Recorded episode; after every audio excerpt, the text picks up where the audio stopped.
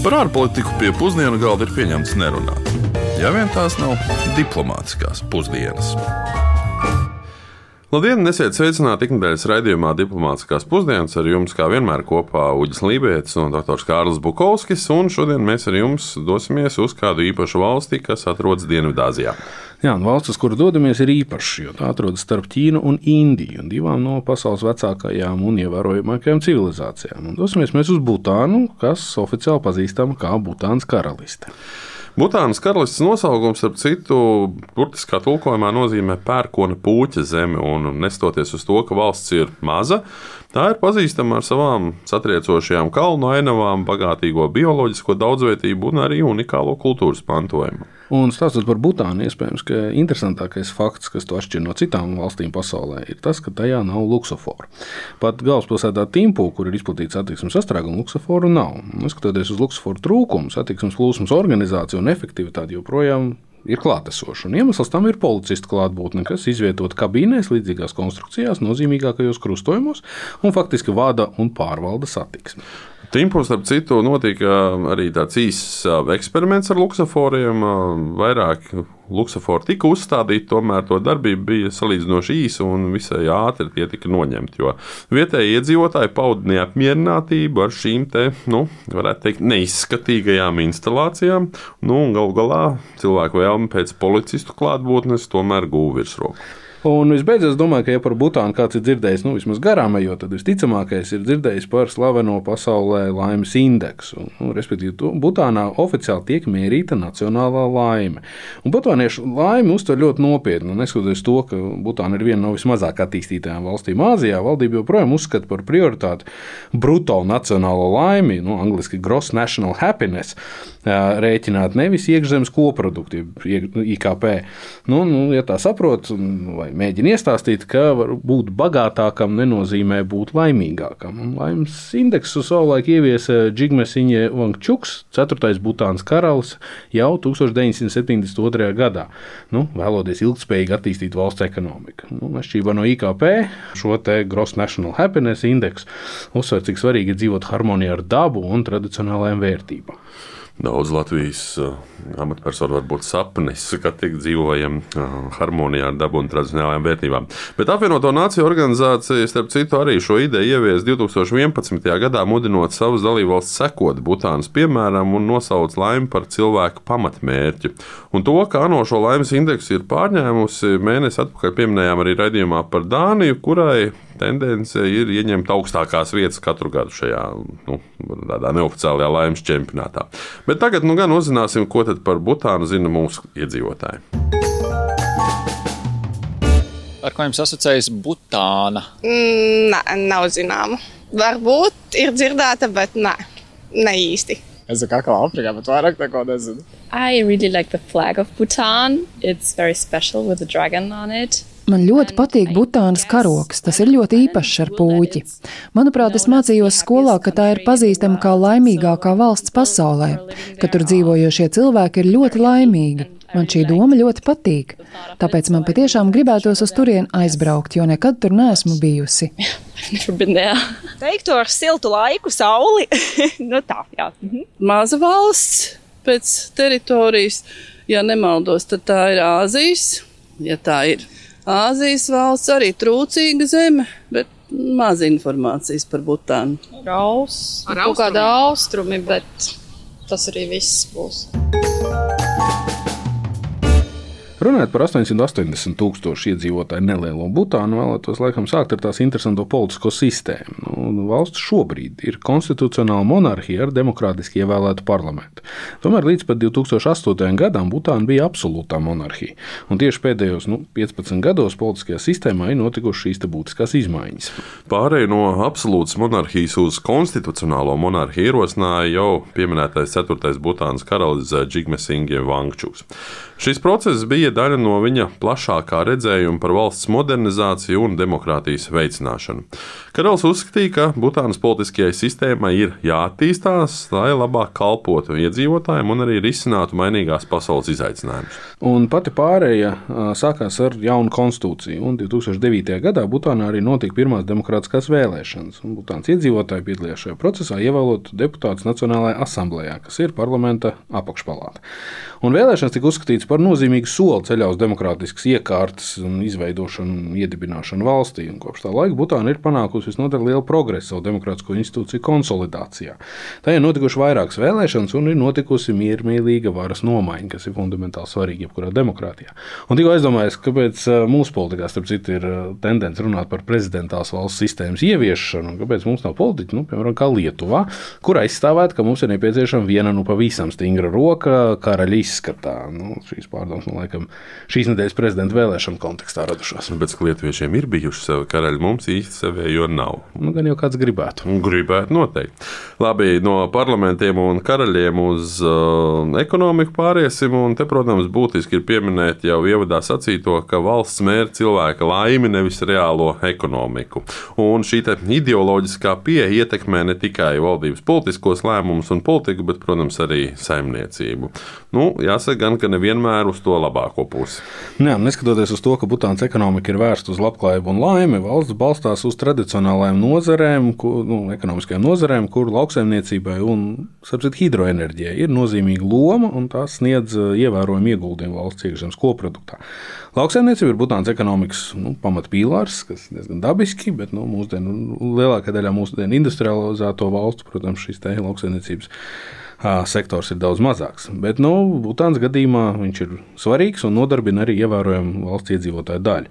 Lauksaimniecības nozara veido apmēram 16% no valsts iekšzemes koprodukta ražo dažādas lauksaimniecības produktus, bet, nu, kā varat iedomāties, kalnos īpaši svarīgi ir tieši lopkopība.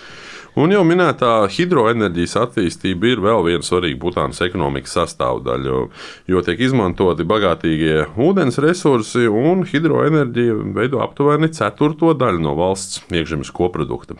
Butāna eksportē elektroenerģiju uz kaimiņu valsti Indiju, radot valstī pamatīgus ienākumus. Un hidroenerģijas projektu attīstība un enerģijas eksports ir kļuvuši par galvenajiem Butānas ekonomiskās izaugsmes virzītāju spēkiem līdzās turismam. Turisms, starp citu, ir kļuvis par um, nozīmīgu sektoru, jo tiek izmantots šis Butānas nu, senatnīgās dabas un bagātīgā kultūras mantojuma aspekts. Nu, te gan jāsaka, ka valdība arī regulē turisma plūsmu, lai saglabātu ilgspējīgu praksi un arī aizsargātu savu kultūras mantojumu. Nu, Butāna kopumā var lepoties un ir pazīstama ar relatīvi spēcīgām valsts finansēm un ekonomisko stabilitāti. Un viens no galvenajiem iemesliem šim ir arī valsts konsekventā pieturēšanās pie stingras fiskālās politikas budžeta veidošanā. Un tad, kas tad īsti ir šis bieži lietotais termins, stingra fiskālā politika, ko daudz mums arī ir vaicājuši? Mēs tad arī palūdzām paskaidrot Stokholmas ekonomikas skolas Rīgā ekonomikas nodaļas vadītājam Mortenam Hansenam. Lūk, viņa skaidrojums. In economics, we would often not so much speak about a strong fiscal policy, but more like a, Ekonomikā mēs parasti nerunājam par stingru fiskālo politiku, bet drīzāk par apdomīgu vai ciešu fiskālo politiku. Un tam ir nepieciešami vairāki priekšnoteikumi. Valdībai ir jānosaka savas prioritātes izdevumiem, gan tagadējiem, gan nākotnes. Labs budžets ir tāds, kas nav sastādīts tikai šim gadam, bet arī uz priekšu. Valdībai ir jāņem vērā arī tas, kas maksās par tās fiskālās politikas izdevumiem, tāpēc ir jācenšas prognozēt stabili nodokļu ieņēmumi gan tagad, gan nākotnē. Tas neobligāti nozīmē to, ka sabalansētā budžetā izdevumiem ir jābūt vienādiem ar ieņēmumiem. Deficīti ir pieļaujami, taču ir jāpārliecinās, ka šī parādu palielināšanās ir ilgtspējīga. Proti, ka šos parādus ilgākā termiņā būs iespējams atmaksāt. Šajā ziņā valdības atšķiras no privātpersonām. Ja mēs aizņemamies naudu, mums tā ir jāatdod. Valdības darbojas kādu noteiktu termiņu, un tās savus parādus var pārvirzīt uz priekšu, taču mums ir atvēlēti konkrēti 60, 70 vai 80 gadi. Tāpēc var teikt, ka valdībām ir zināmas atlaides. No otras puses šie parādi ir jāapkalpo, un piemēram tagad mēs redzam, ka procentu likmes tikai kāpj, un parādu apkalpošanas izmaksu paaugstināšanās arī ir jāņem vērā. Otrakārt, šādai apdomīgai fiskālai politikai būtu jāņem vērā arī demogrāfija. Piemēram, šeit Latvijā mums ir jāņem vērā, ka nākotnē būs mazāk nodokļu maksātāju, un tas nozīmē mazāk cilvēku, kas palīdzēs apmaksāt valsts parādus. Tieši tāpēc mums tieši tagad būtu nepieciešami vai nu mazāki izdevumi, vai arī lielāki nodokļu ieņēmumi. Un vēl ir svarīgi ņemt vērā šādu lietu. Ekonomika ir kontracikliska. Tas nozīmē, ja ekonomikai klājas labi un patērētāji un uzņēmumi daudz tērē, valdībai nebūtu pareizi uzņemties lielus infrastruktūras projektus. Tieši pretēji, laikā, kad cilvēki tērē maz, ir īstais laiks valdībai tērēt vairāk. Šeit minēšu kaut vai bēdīgi slaveno dienvidu tilta būvniecību laikā, kad bija ļoti augsts nodarbinātības līmenis. Savukārt labais piemērs bija palīdzības sniegšana koronavīrusa pandēmijas laikā. Rezumējot, jāsaka, ka apdomīga fiskālā politika skatās nākotnē. Tā neskatās tikai uz šo gadu vai diviem, trījiem nākamajiem gadiem. Tā skatās gadu desmitus uz priekšu. Diemžēl lielākajai daļai valstu politiķu, kuriem ik pēc četriem gadiem ir jācer uz pārvēlēšanu, nav šāda ilgtermiņa fiskālās politikas horizonta. Rezumējot, jāsaka, ka Butānas ekonomika joprojām ir pārsvarā agrāra, ar piesardzīgu pieeju industrializācijai. Un iemesls tam ir vēlme saglabāt gan dabas resursus, gan arī kultūras mantojumu. Šī slavenā pieeja progresa mērīšanai arī atspoguļo valsts apņemšanos nodrošināt ilgspējīgu attīstību, vidas saglabāšanu un iedzīvotāju vispārējo labklājību. Laimīgi vai nelaimīgi, to katram pašam spriest, jo Butānas IKP uz vienu iedzīvotāju pēc pirktspējas paritātes pašlaik ir aptuveni 11,000 eiro. Tas ir nu, reizes trīs mazāk nekā Latvijai. Lai cik būtu paēdis, vienmēr ir vieta arī desertam. Bet tagad, kā ierasts, ir pienācis laiks arī desertam, un e, šodien parunāsim par to, ar ko vēl Butāna ir slavena. Par tās vienīgo starptautisko lidostu, un līdz pat 2011. gadam faktiski vienīgo valstī. Un runa ir par Butānas paro lidostu, kas ir uzskatām par vienu no izaicinošākajām lidostām pasaulē, un certificētajā nolaisties esot tikai astoņi piloti visā pasaulē. Tā atrodas dziļā ielā starp Himalaya kalniem. Lidostas atrašanās 2235 metru augstumā virs jūras līmeņa apkārt esošās kalnu virsotnes, kuru augstums pārsniedz 5,5 km, rada visnotaļ unikālu izaicinājumu. Nu, papildus visam tam, Paro lidostā ir arī salīdzinoši īss skrejceļš, nepilnīgi 2 km īss. Lidostas atrašanās vietas starp augstiem kalniem rada nepieciešamību virzīties pa šaurām ielām un nosēšanās laikā, padarot šo nosēšanās procesu ļoti sarežģītu. Turklāt, izaicinoši laika apstākļi, stiprais vējš, migla, mākoņa sega vēl vairāk pārbauda pilotu prasmes. Tādēļ tajā nolaisties tiešām drīkst tikai diennakts gaišajā laikā un arī saulainos apstākļos. Jā, un, lai risinātu šīs problēmas, ierobežot un īpaši atlasīt pilotu grupu, iziet stingru apmācību un certifikātu, kas ir paredzēts speciāli paro lidostai.